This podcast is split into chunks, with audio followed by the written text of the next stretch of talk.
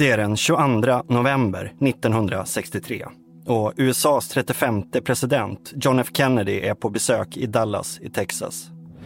Han åker längs stadens huvudgata i en midnattsblå öppen limousin tillsammans med sin fru, nationens första dam Jackie, som nästan lyser i en rosa dräkt. På sätena framför dem sitter Texas-guvernören John Connolly och hans fru Nellie. Det är vackert väder, ganska varmt och tiotusentals människor har tagit sig till centrala Dallas för att få en skymt av ett presidentpar som de tidigare bara har sett i svartvitt. Jack, som han kallas av familjen, är på strålande humör och vinkar till de exalterade åskådarna. Annars är Dallas vid den här tiden känt som ett konservativt, ja reaktionärt fäste där Kennedy har gott om fiender. Samma dag har också Dallas Morning News kört en näringslivsfinansierad helsidesannons där presidenten påstås vika sig för kommunismen. Och längs kortegens färdväg sprids ett flygblad med en bild på Kennedy under rubriken “Wanted for treason”, efterlyst för förräderi. Och visst har det funnits en oro för att något ska inträffa. Samma morgon ska Kennedy också ha nämnt för sin närmaste krets att det inte vore särskilt svårt att skjuta USAs president om man bara ville. Allt som krävs är att hitta en hög byggnad och använda ett gevär med kikarsikte, ska han ha sagt. Men den stora uppslutningen vittnar ändå om att många Texasbor gillar den unge progressive ledaren. Och till slut kan inte Nelly Connolly hålla tillbaks sin entusiasm. Man kan inte påstå att Dallas inte älskar er, Mr President, säger hon. Nej, det kan man sannerligen inte, svarar Kennedy och ler. Strax innan har limousinens chaufför, Secret Service-agenten Bill Greer, gjort en högersväng in på Houston Street och sen en skarp vänstersväng in på Elm Street som går genom den lilla parken Daily Plaza och ner mot viadukten som gräver sig under järnvägen. Åskådarleden har glesnat, för snart är färden över. Klockan är 12.30 och om några minuter ska presidentparet äta lunch med ett par tusen prominenta Texasbor. Men plötsligt ekar tre skott över Daily Plaza.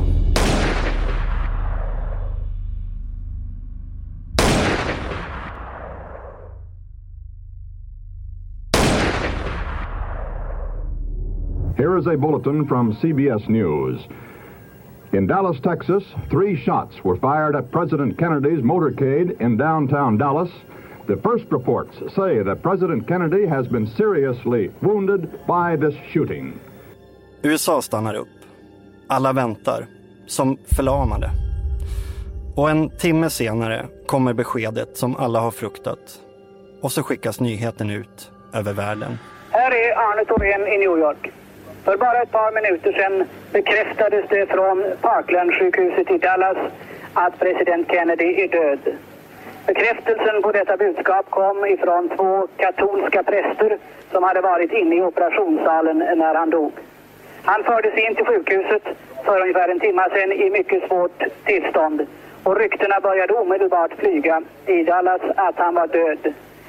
Presidenten träffades i huvudet av en kula från en mördare när han befann sig i hörnan av Elm och Houston-gatorna i det centrala Dallas. Han föll i famnen på sin maka som satt intill honom. Man vet ännu ingenting om vem som kan ha mördat honom. De uppgifter jag har här hittills är att det var en 25-årig man som sköt från en fabriksliknande byggnad i Dallas. Han avfyrade skotten när bilen var på väg in under en järnvägsövergång eh, in i stan. Och de rapporter som hittills har kommit har uppgivit att det bara handlade om tre skott. Alltså på dessa tre skott träffades såväl presidenten som Texas-guvernören Connolly. Tre skott som förändrar USA och världshistorien. Avlossade av en ensam gärningsman. Men var det verkligen bara tre skott? Och var det en ensam galning?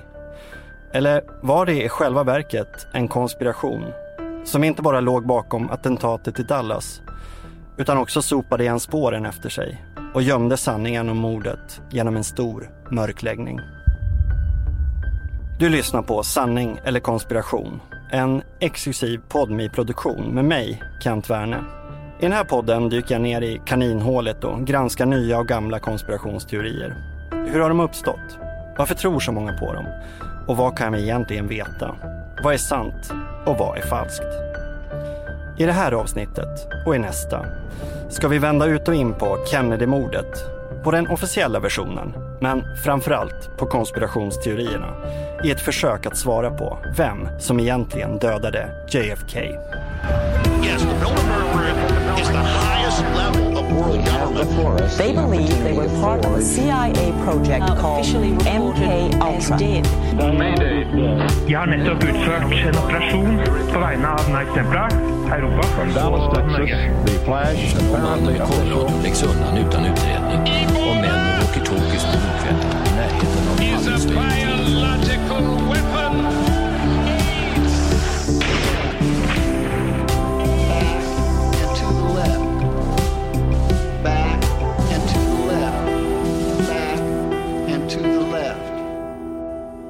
Mordet på John F Kennedy var förmodligen den händelse under 1900-talet som framkallade mest konspirationsteorier. Det har skrivits tusentals böcker om skotten i Dallas. Och enligt en uppskattning driver 95 procent av böckerna tesen att JFK föll offer för en konspiration. Någon har också räknat ut att sammanlagt 42 grupper, 82 attentatsmän och 214 medkonspiratörer har pekats ut genom åren. Och ända sedan 1963 har en stor andel av USAs befolkning, uppåt 80 procent, trott att det var en konspiration och att den officiella berättelsen är falsk. För det finns förstås en officiell berättelse. Och vi börjar där. För det är den som alla konspirationstroende ifrågasätter. Ja, som de betraktar som en stor lögn. Vi ska återvända till Dallas den 22 november 1963. För samtidigt som skotten ekade över Daily Plaza utbröt kaos. Någon hade skjutit mot presidenten och guvernören. Men vem eller vilka och varifrån? Många rusade upp för den gräsbeklädda kullen ovanför platsen där det sista skottet träffade Kennedy, säkra på att det var därifrån det kom. Men polisen hittade inga spår. Andra hade sett en man med gevär i ett halvöppet fönster högt uppe i den röda tegelbyggnaden snett bakom kortegen och sett en flock duvor lyfta från taket. Och det var ditåt polisens och världens blickar riktades i jakten på mördaren. Poliskonstapeln Marion Baker kastade sig av sin motorcykel och stormade in i byggnaden, som var ett skolbokslager. På andra våningen stötte han på en ensam kille i lunchrummet som till skillnad från alla andra anställda verkade ha struntat i presidentkortegen. När chefen på skolbokslagret identifierade honom som Lee Oswald, en av de anställda, rusade Baker vidare uppför trapporna mot femte och sjätte våningen. När alla anställda i byggnaden sen räknades var Oswald den enda som saknades. Han hade lämnat skolbokslagret några minuter efter skotten, åkt buss och taxi hem till sitt tillfälliga hyresrum i förorten Oak hämtat upp en revolver och gett sig av till fots. Ett par kvarter därifrån stoppades Oswald av konstapeln J.D. Tippett som hört efterlysningen. En smal vit man omkring 30 år, 175 centimeter och 70 kilo. Attention all squads, the suspect from Elman, Houston is reported to be an unknown white male about 30, slender build, 5 feet 10 inches tall, 165 pounds, armed with what is thought to be a 30-30 rifle. No further description at this time or information. Men när Tippet klev ur bilen drog Oswald sin revolver och sköt honom till döds med flera skott. Oswald flydde från platsen, gömde sig i en skoaffär och betedde sig underligt. Ägaren följde efter och såg mannen slinka in på biografen Texas Theater utan att betala. Kassörskan ringde polisen och strax efter halv två, en timme efter skotten mot Kennedy, greps Oswald. Han gjorde motstånd, försökte skjuta en polis, men revolvern klickade och han fördes till stationen. Oswald satt anklagad för mordet på polismannen J.D. Tippett. Men snart lade Dallaspolisen och FBI ihop ett och ett och man förstod att han nog också hade skjutit Kennedy. Och bara några timmar efter mordet hade man en misstänkt gärningsman i häktet. Den 24-åriga Lee Harvey Oswald. En före detta marinkårssoldat som hade fått jobb på skolbokslagret en månad tidigare. Snart visade det sig att han var kommunist, och att han rent av hade bott i Sovjetunionen några år tidigare men återvänt till USA och på sistone engagerat sig i en Castrovänlig organisation med namnet Fair Play for Cuba. Polisens och journalisternas efterforskningar tecknade också snabbt bilden av en misslyckad men självsäker fanatiker med ett eskalerande hat mot USA och det politiska etablissemanget. Oswald nekade visserligen till alla anklagelser. Jag är bara en syndabock, sa han till pressuppbådet som samlats i korridorerna på polisstationen.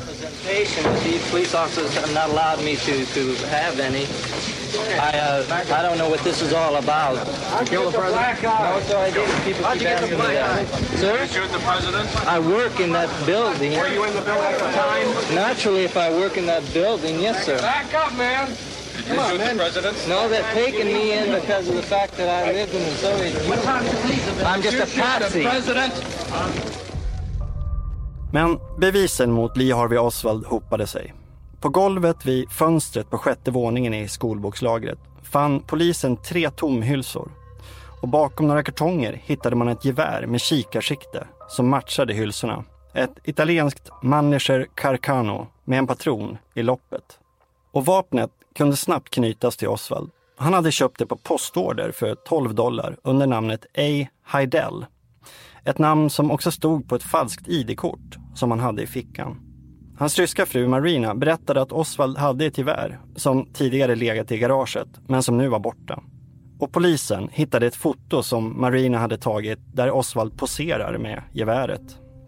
På sjätte våningen låg också en avlång brun papperspåse som Oswald enligt ett par vittnen haft med sig till jobbet samma morgon, troligen med geväret i. Flera vittnen pekade också ut Oswald som polismördaren. Och mer var på gång. Snart skulle man också hitta rester av krut på Oswalds händer, hans handavtryck på gevärskolven och hans fingeravtryck på den bruna papperspåsen. Redan dagen efter mordet var delstatsåklagaren Henry Wade säker på att Oswald hade mördat Kennedy. Något han också sa till reportrarna. I would say that without any doubt he's the killer. The law says beyond a reasonable doubt and to a moral certainty, which I, there's no question that he was the killer of President Kennedy. And will you ask death in the electric chair for Lee Oswald? Yes, sir. We'll ask the death penalty. Men det blev aldrig någon rättegång. Två dagar efter Kennedy-mordet sköts nämligen den misstänkte mördaren av nattklubbsägaren Jack Ruby i polishusets källare när han skulle förflyttas. Ruby smet in bakvägen och stormade fram med en revolver och allt utspelade sig dessutom i direktsändning mitt framför ögonen på en chockad nation. There is Leon. He's been shot. He's been shot. Lee Oswald has been shot. There's the man with a gun. It's absolute panic. Absolute panic here in the basement of Dallas Police Headquarters. Mordet på Oswald förändrade egentligen allt. Plötsligt fanns det ingen misstänkt gärningsman, bara en massa obesvarade frågor. Där dog sanningen om Kennedy-mordet och nu finns bara teorier kvar, konstaterade Expressens USA-korrespondent dagen efter. Vad som först såg ut att kunna bli ett vattentätt case och en snabb dom förvandlades på ett ögonblick till en ouppklarad mordgåta, ett olöst mysterium. Var Oswald verkligen skyldig? Vad var i så fall hans motiv? Hade han agerat ensam eller var andra också inblandade? Det hade ju funnits uppgifter i tidningarna om att polisen gripit en medhjälpare, om att fler än tre skott hade träffat Kennedy och Connolly och att skotten hade avfyrats från andra håll än från skolbokslagret där Oswald befann sig. Från viadukten rakt framför presidentkortegen och från gräskullen framför till höger. Och varför hade Jack Ruby egentligen skjutit Oswald? Var det som Ruby själv hävdade, att han var uppriven över mordet och att han ville bespara Jackie obehaget att genomlida en rättegång? Eller hade syftet istället varit att tysta Oswald och kanske hindra honom från att avslöja en konspiration som även Ruby var en del av? Och hur kunde Dallaspolisen låta Ruby komma åt Oswald så lätt? Var det ett misstag? Eller var det medvetet? En vecka efter Kennedy-mordet visade en opinionsundersökning att bara en knapp tredjedel av USAs befolkning trodde att Oswald hade agerat ensam. Och för många var nog tanken att en världsledare som Kennedy mördats av en missanpassad nolla som Oswald rätt svårsmält. Kunde verkligen en händelse med så stora konsekvenser ha en så simpel orsak? Det var som om folk krävde någon form av proportionalitet.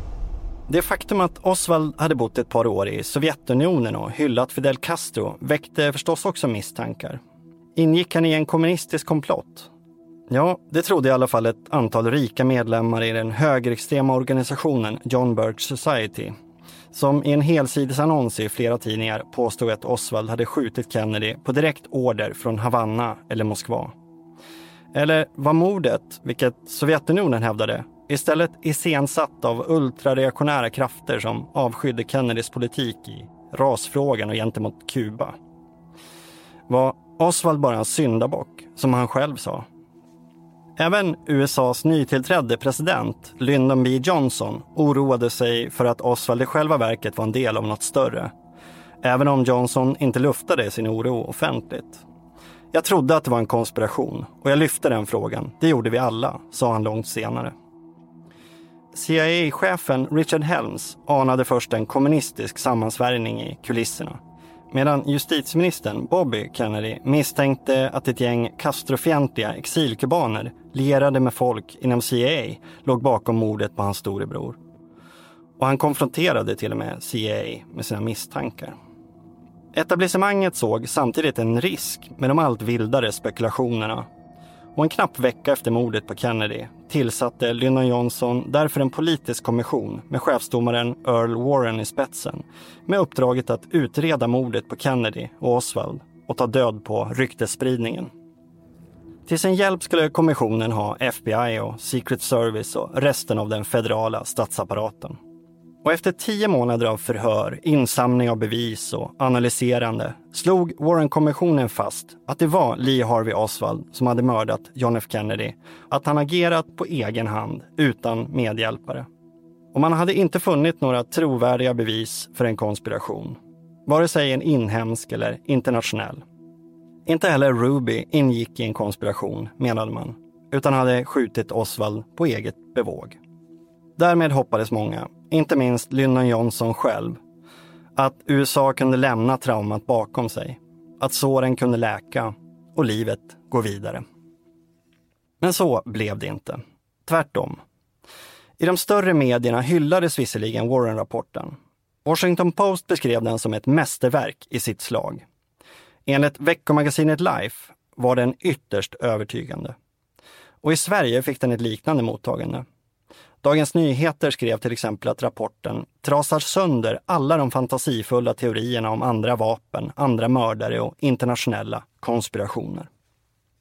En majoritet av amerikanerna instämde och lät sig övertygas av Warren-rapporten. Åtminstone till en början. Men alla blev inte övertygade.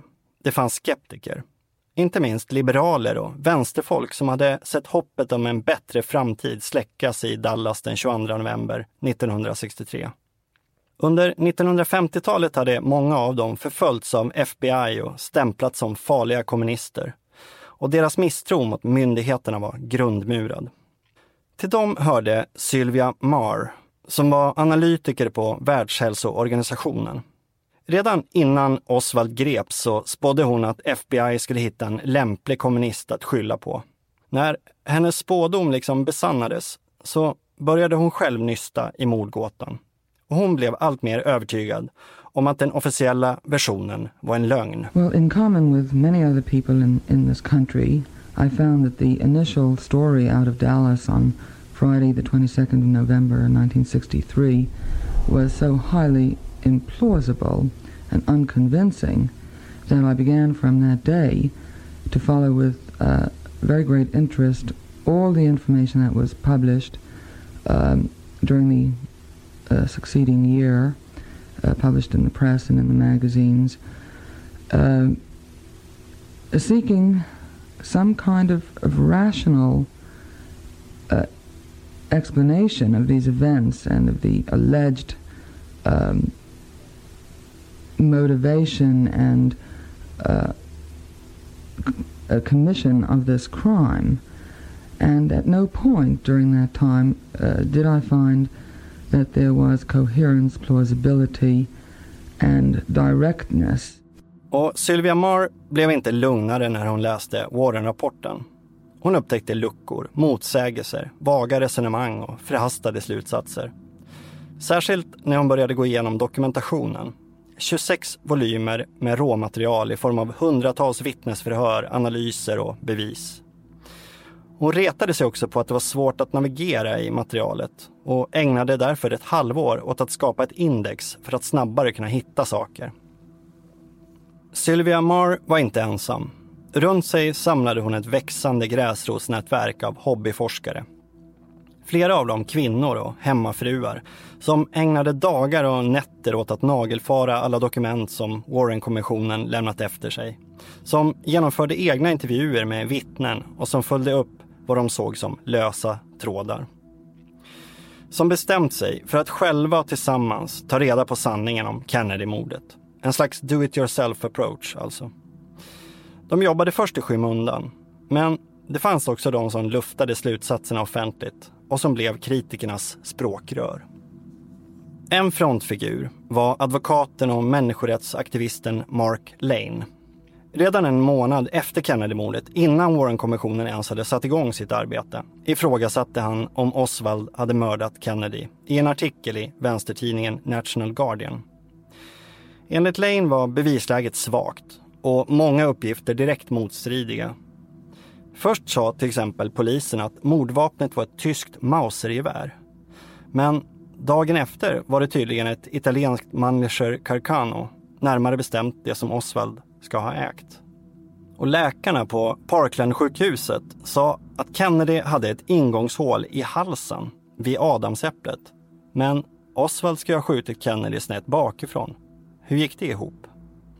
Frågetecknen hopade sig för Mark Lane och de rätades inte direkt ut av Warren-kommissionen. Han höll föreläsning efter föreläsning där han sågade kommissionens slutsatser. Och tre år efter mordet, 1966, släppte han en bok med titeln Rush to Judgment. Den toppade försäljningslistorna och följdes av en film med samma namn och en LP-skiva med intervjuer som Lane hade genomfört med olika vittnen. Han anklagade kommissionen, FBI och Secret Service för att ha undanhållit och förvrängt fakta i målet. Allt i syfte att bevisa teorin om Oswald som den ensamme mördaren.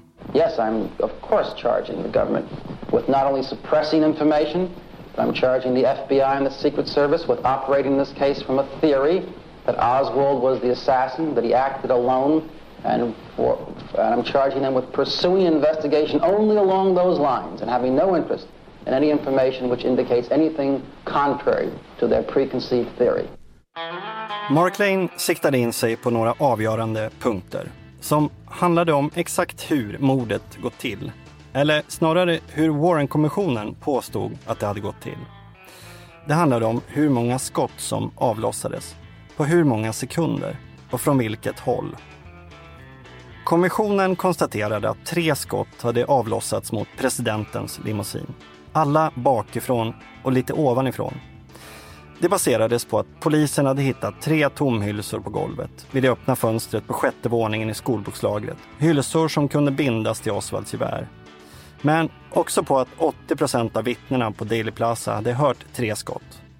Enligt vittnena hade skotten också kommit i snabb följd, inom loppet av 5 till 6 sekunder. Det fanns inga ljudupptagningar från mordplatsen, så helt säker kunde man inte vara. Men det fanns annat bevismaterial, nämligen Zapruder-filmen. Det är kanske den mest omtalade privata stumfilmen i historien. Filmad med en 8 mm kamera av klädtillverkaren Abraham Zapruder som stod uppflugen på en betongpedestal på gräskullen vid Daily Plaza när kortegen rullade förbi. 26,6 sekunder, 486 bildrutor 18,3 bildrutor i sekunden som visar när Kennedys limousin svänger runt hörnet in på Elm Street. Hur de vinkar till publiken och hur Kennedy, just när bilen passerat en vägskylt, rycker upp händerna mot halsen. Hur sedan guvernör Connolly träffas och faller åt sidan. och hur till sist Kennedy träffas i huvudet och Jackie klättrar upp på bakvagnen innan limousinen sätter av i ilfart mot sjukhuset. Mordet fanns alltså dokumenterat på film. Visserligen utan ljud, men genom att räkna bildrutorna kunde man slå fast att det gick omkring 5 sekunder, eller mer exakt 4,8 till 5,6 sekunder mellan det första skottet som träffat Kennedy och det sista. Däremellan träffades också Connolly och frågan alla ställde sig var om det överhuvudtaget var möjligt att skjuta tre skott så snabbt. Med den typ av repetergevär som Oswald ska ha använt. Där man måste ladda om och sikta efter varje skott. Och dessutom träffa ett flyende mål på mellan 50 och 80 meters håll. Warren-kommissionen lät ett gäng prickskyttar testa. Och de lyckades skjuta tre skott inom loppet av 4,6 till 8,25 sekunder. Med lite olika träffbild. Så visst, det var möjligt, konstaterade man. 1967 lät också CBS News 11 prickskyttar prova om det gick. Och sju av skyttarna lyckades få iväg tre skott på under 5,6 sekunder. Hej, jag Ryan Reynolds. På Mint Mobile, we like to do the opposite of what Big Wireless does. They charge you a lot, we charge you a little. So naturally, when they announced they'd be raising their prices due to inflation, we decided to deflate our prices due to not hating you. That's right. We're cutting the price of Mint Unlimited from $30 a month to just $15 a month. Give it a try at mintmobile.com slash switch. $45 upfront for three months plus taxes and fees. Promote for new customers for limited time. Unlimited more than 40 gigabytes per month. Slows. Full terms at mintmobile.com. 42 procent av skotten träffade målet.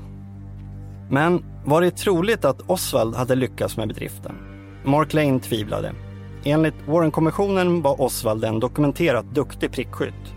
Men Lane hade intervjuat en gammal kamrat till Oswald från marinkåren som hävdade motsatsen. Han sa också att FBI hade pressat honom att ändra sitt vittnesmål. Do you feel that the agents of the FBI actually tried to get you to change your statement that Oswald was a poor shot? Yes, sir, I definitely do. Nu menade i och för sig Warren-kommissionen att det också var möjligt att ett av skotten faktiskt var en bom. Och om det första eller sista skottet hade missat målet så ökade plötsligt utrymmet för de tre skotten till minst sju sekunder. Ja, antagligen mer. Men det var inget givet antagande. FBI hade nämligen slagit fast i sin utredning att alla tre skotten hade träffat. Det första Kennedy i nacken, det andra guvernör Connolly i ryggen och det tredje, det dödande skottet, president Kennedy i huvudet. Vilket också stämde överens med John och Nelly Connollys vittnesmål. I am convinced beyond any question of a doubt that the first shot that was fired did not hit me. Then I was hit. And I was not then, and I'm not, I have no memory, no recollection of the sound of the shot that hit me. And beyond any question of a doubt, the third shot did not hit me. Uh, Ms. Connolly has the very definite feeling, a very strong conviction that the first shot that was fired hit the president. The second shot that was fired hit me. The third shot that was fired hit the president. Men här ställde Zapruder-filmen till det rejält. För tidsspannet mellan det att Kennedy rycker upp sina armar mot halsen och det att Connolly ser ut att ha träffats är alldeles för kort. Inte ens två sekunder. För att en skytt ska hinna repetera och skjuta igen. Det var inte ens teoretiskt möjligt. Vilket ställde Warren-kommissionen inför ett allvarligt problem.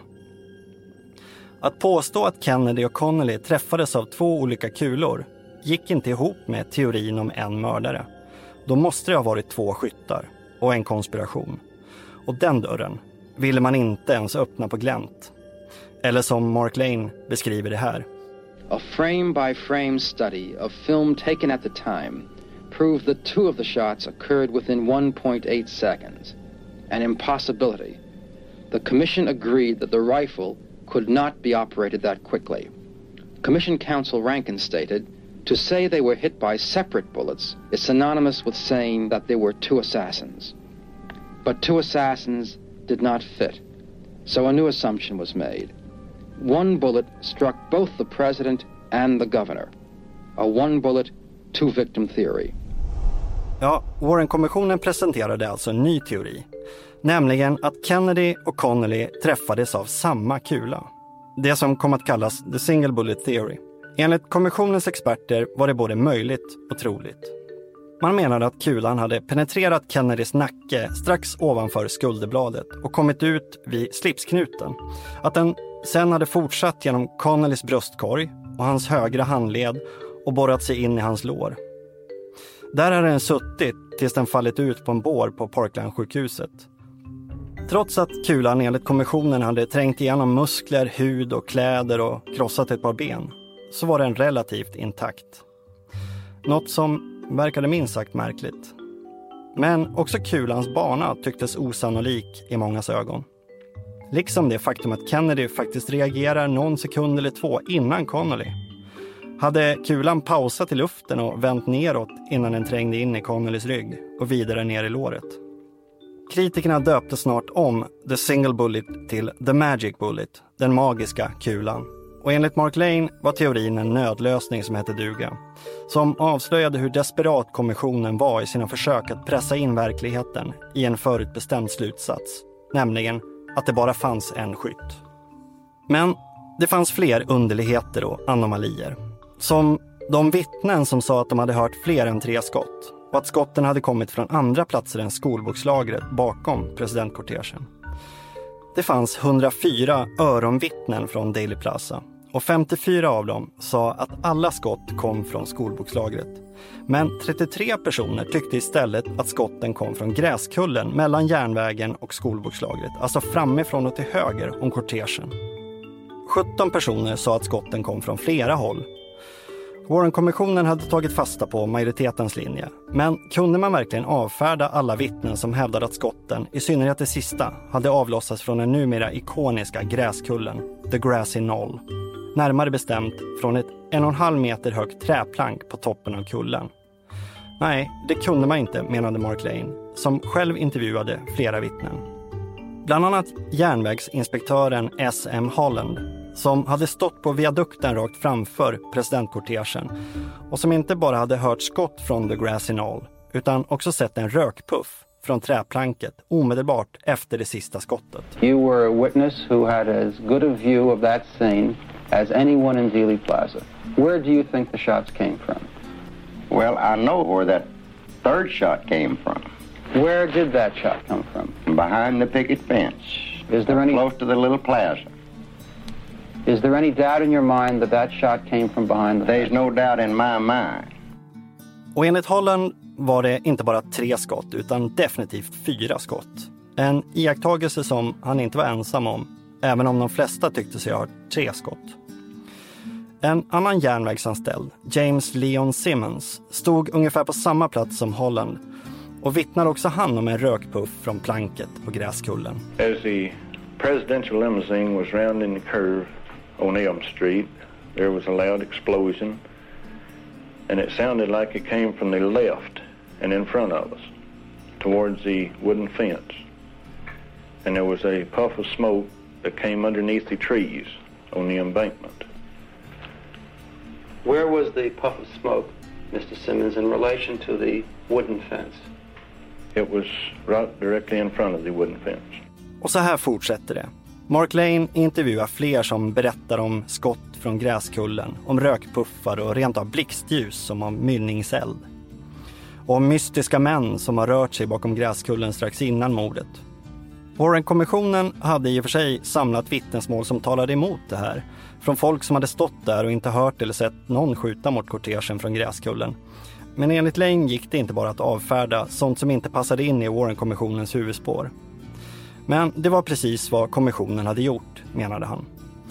Och det gällde inte bara vittnesuppgifterna, utan också uppgifter från läkarna som försökte rädda livet på Kennedy. Kirurgerna berättade för pressen att de hade observerat två skotthål på presidenten. ett litet hål i halsen under adamsäpplet som man trodde var ett ingångshål. Och ett stort gapande sår i presidentens bakhuvud. Vilket tydde på att Kennedy hade skjutits framifrån och inte bakifrån, som FBI och Warren-kommissionen hävdade. Och om Oswald hade befunnit sig på sjätte våningen i skolbokslagret så kan han ju i så fall inte ha avlossat skotten som träffade Kennedy i halsen och huvudet, konstaterade Mark Lane. Men Warren-kommissionen lutade sig istället mot obduktionen som inte genomfördes på Parkland-sjukhuset i Dallas utan på marinens sjukhus Bethesda i Maryland utanför Washington DC senare på kvällen. Och där blev bilden av skottskadorna en annan. Ett litet ingångshål bak i nacken, strax ovanför högra skulderbladet.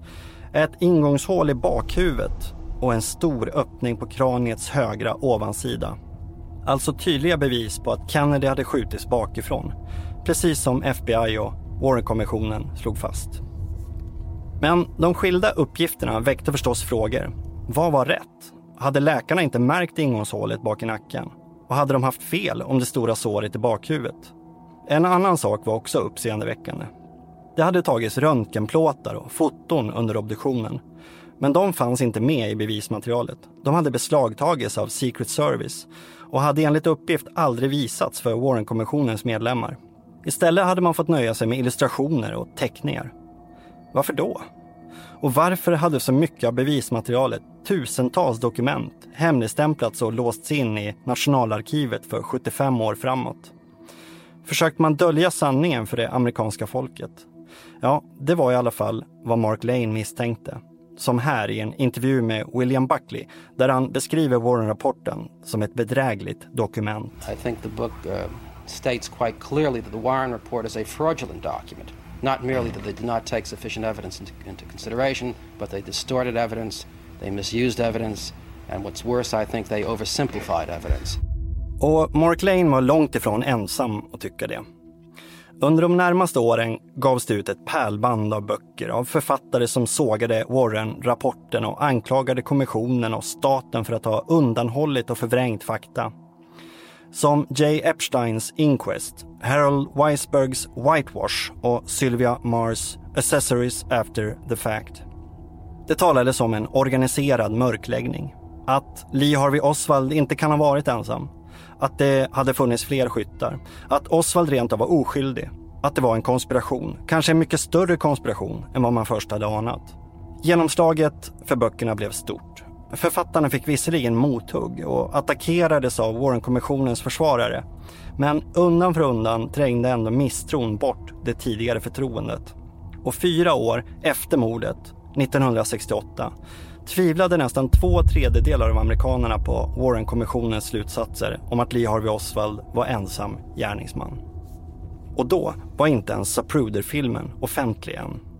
Det första decenniet efter mordet fanns det bara stillbilder från filmen. Det var tidningen Life som hade köpt rättigheterna av Abraham Zapruder och som selektivt valde vilka bildrutor som publicerades. Men i början av 1970-talet passade en fototekniker vid namn Robert Groden som hade fått i uppdrag att förstora bilder åt Life på att göra en kopia av filmen. Han höll på den i några år, men snart vågade han avslöja sin hemlighet och fick en fråga om att visa den i ABCs kvällsprogram Good Night America. Året var 1975. För första gången fick nu det amerikanska folket se när Kennedy träffades i huvudet Robert Groden satt med i studion och kommenterade filmen. Okay, so the cars are coming along now into Dealey Plaza? Yes, these are the lead motorcycles of the motorcade. All right, now with the president and Mrs. Kennedy is also Governor Connolly. Right. right. Now, before he goes behind the sign, the president is waving to the crowd. When he comes out from behind the sign, he is shot. Then Governor Connolly is shot. He's already been hit. He's already been hit. And now? And at the bottom of the screen, the headshot. That's the shot that blew off his head. It's the most horrifying thing I've ever seen in the movies. Now, the Warren Commission said that all of the shots were fired from behind by Lee Harvey Oswald, a lone assassin, firing at the president. And as you could see clearly, the head is thrown violently backwards, con completely consistent with a shot from the front, right. Han beskriver vad man ser på filmen. Att Kennedys huvud slungas bakåt åt vänster när han träffas. Vilket verkar rimma illa med den officiella versionen. Spring? Is that you? Warmer temps mean new Allbirds styles. Meet the Superlight Collection, the lightest ever shoes from Allbirds, now in fresh colors. These must have travel shoes have a lighter than air feel and barely there fit that made them the most packable shoes ever. Plus, they're comfy right out of the box. That means more comfort and less baggage. Experience how Allbirds is redefining comfort. Visit allbirds.com and use code SUPER24 for a free pair of socks with a purchase of $48 or more. That's A L L B I R D S.com, code SUPER24. Alltså att Kennedy blev skjuten bakifrån. Men betydligt bättre med den alternativa teorin att han sköts i huvudet snett framifrån, alltså från gräskullen, the grassy knoll. Filmvisningen väckte debatten om mordet till liv igen. Det diskuterades vilt i tv och i tidningarna om Warren-kommissionen hade dragit förhastade slutsatser eller rent av ljugit för folket. Om det ändå inte var en konspiration. Frågetecknen hopade sig och förtroendet för den officiella berättelsen var närmast kört i botten. En opinionsmätning visade att bara en av tio amerikaner trodde att Oswald hade agerat ensam. Så 1976, 13 år efter skotten i Dallas, beslutade därför kongressen att tillsätta en ny kommission.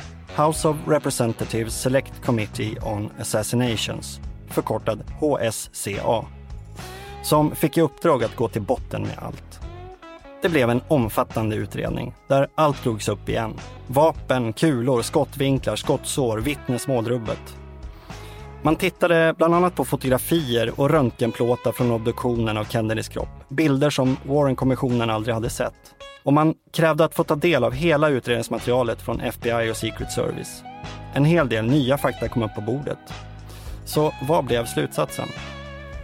Kongresskommissionen la fram sin rapport 1979. Liksom Warren-kommissionen slog man fast att Lee Harvey Oswald hade skjutit Kennedy och Connolly från skolbokslagret. Och man ställde sig bakom teorin om the single bullet. Oswald hade skjutit tre skott. Det första hade missat målet helt. Det andra hade träffat både Kennedy och Connolly. Och det tredje hade träffat Kennedy i huvudet. Men Samtidigt menade man att det troligen också hade avfyrats ett skott från the grassy knoll. Ett skott som visserligen hade missat Kennedy, men ändå. Plötsligt fanns det fyra skott och två skyttar med i bilden. Och kongresskommissionens slutsats var att John F Kennedy troligen mördades som ett resultat av en konspiration. Även om man inte kunde peka ut några medkonspiratörer. Slutsatserna baserades på en akustisk analys av en ljudupptagning från en komradio på en polismotorcykel. Man trodde sig ha hittat det där ljudbeviset som saknades, som kunde komplettera Zapruder-filmen. Segment 1 is the Dallas Police radio tape exactly as recorded November 22, 1963. The assassination occurred at 17 seconds past 12:30 p.m. The first shot was fired 3 seconds after an officer says, "All right, Jackson."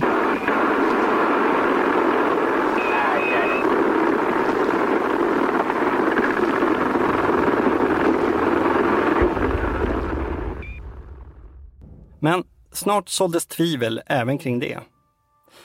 Och 1982 gjorde National Academy of Sciences en ny analys och kunde konstatera att inspelningen hade gjorts minuterna efter mordet.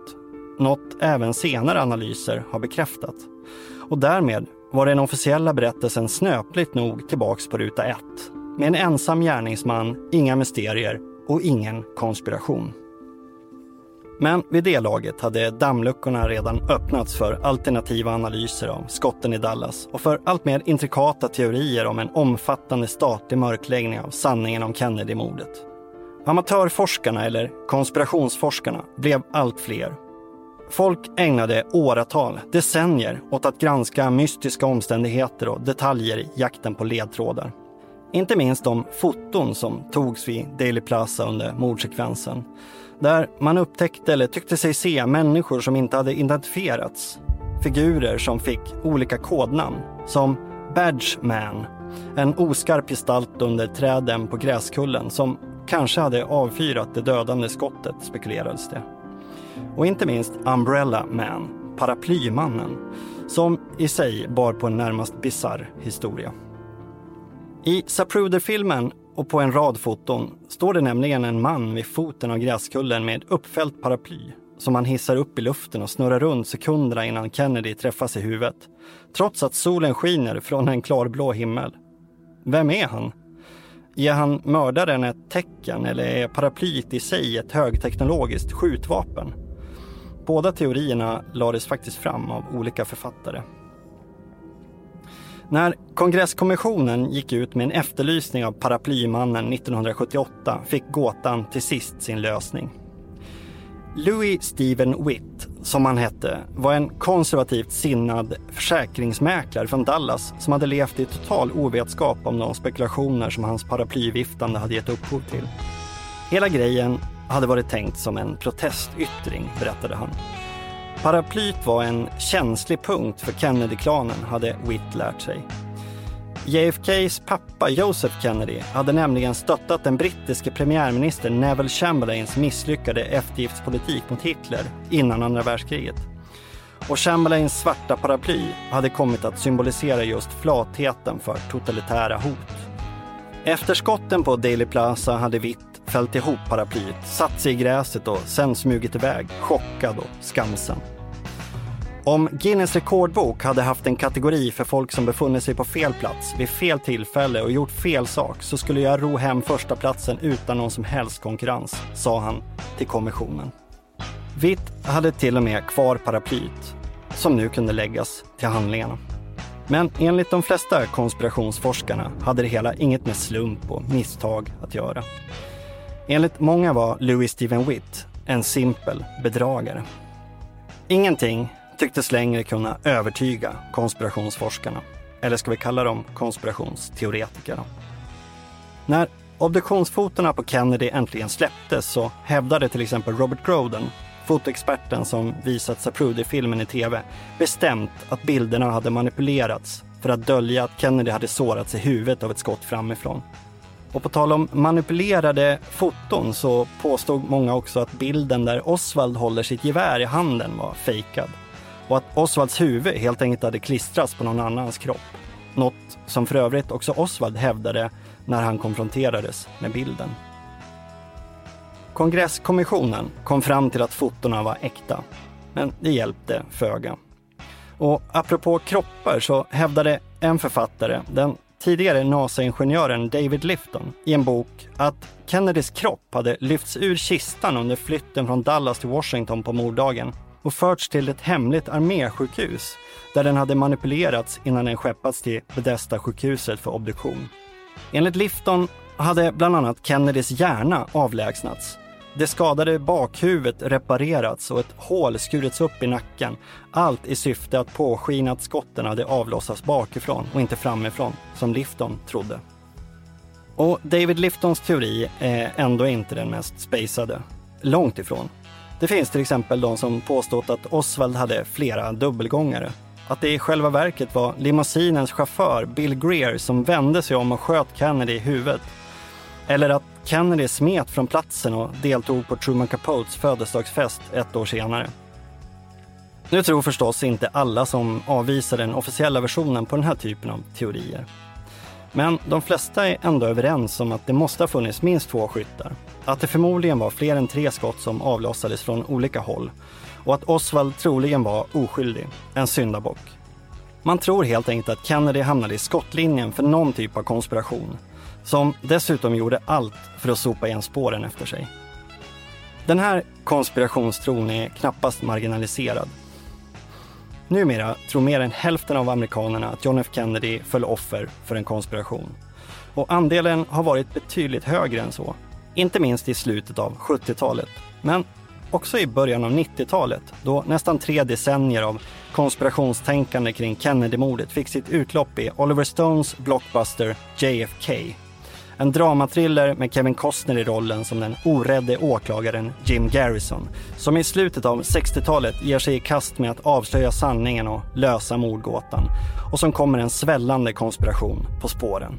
I en legendarisk rättegångsscen visar Garrison Zapruder-filmen för juryn samtidigt som han beskriver vad som egentligen hände under de där drygt 20 sekunderna den 22 november 1963 hur det gick till när John F Kennedy hamnade i konspirationens korseld. The first shot rings out, sounding like a backfire, misses the car completely. Frame 161, Kennedy stops waving as he hears him. Conley's head turns slightly to the right. Frame 193, the second shot hits Kennedy in the throat from the front. Frame 225, the president emerging from behind the road sign. You can see that he's obviously been hit, raising his arms to his throat. Third shot, frame 232, hits Kennedy in the back, pulling him downward and forward.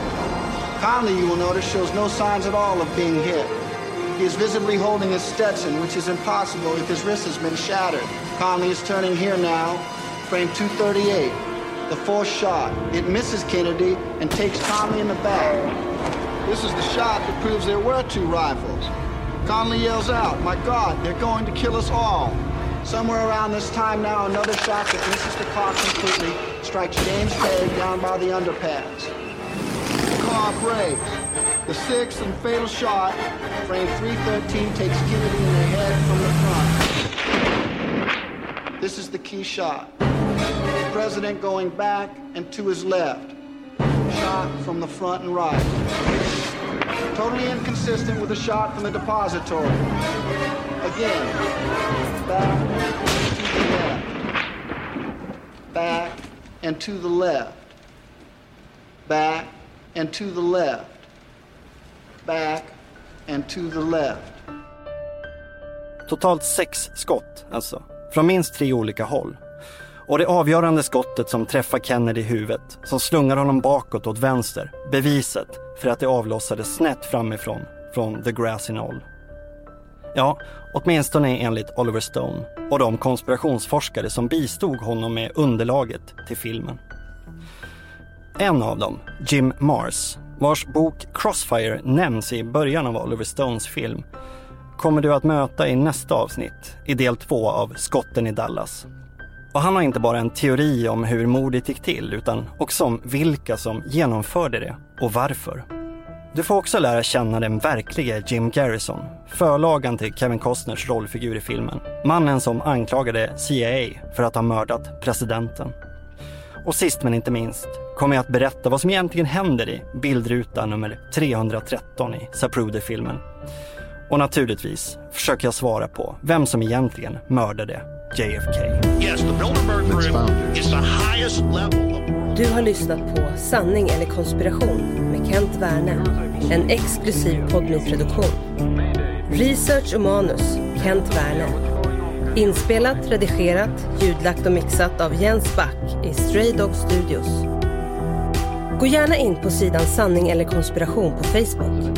Där hittar du källhänvisningar för samtliga avsnitt. I Facebookgruppen Sanning eller konspiration kan du också diskutera avsnitten. För fler avsnitt av Sanning eller konspiration, teckna en prenumeration på podme.com redan idag. American people, and we cannot let The symbol of the all-seeing eye is closely associated with the Illuminati. A plane has crashed into one of the towers there wherever. The Matrix is everywhere. It is all A new world order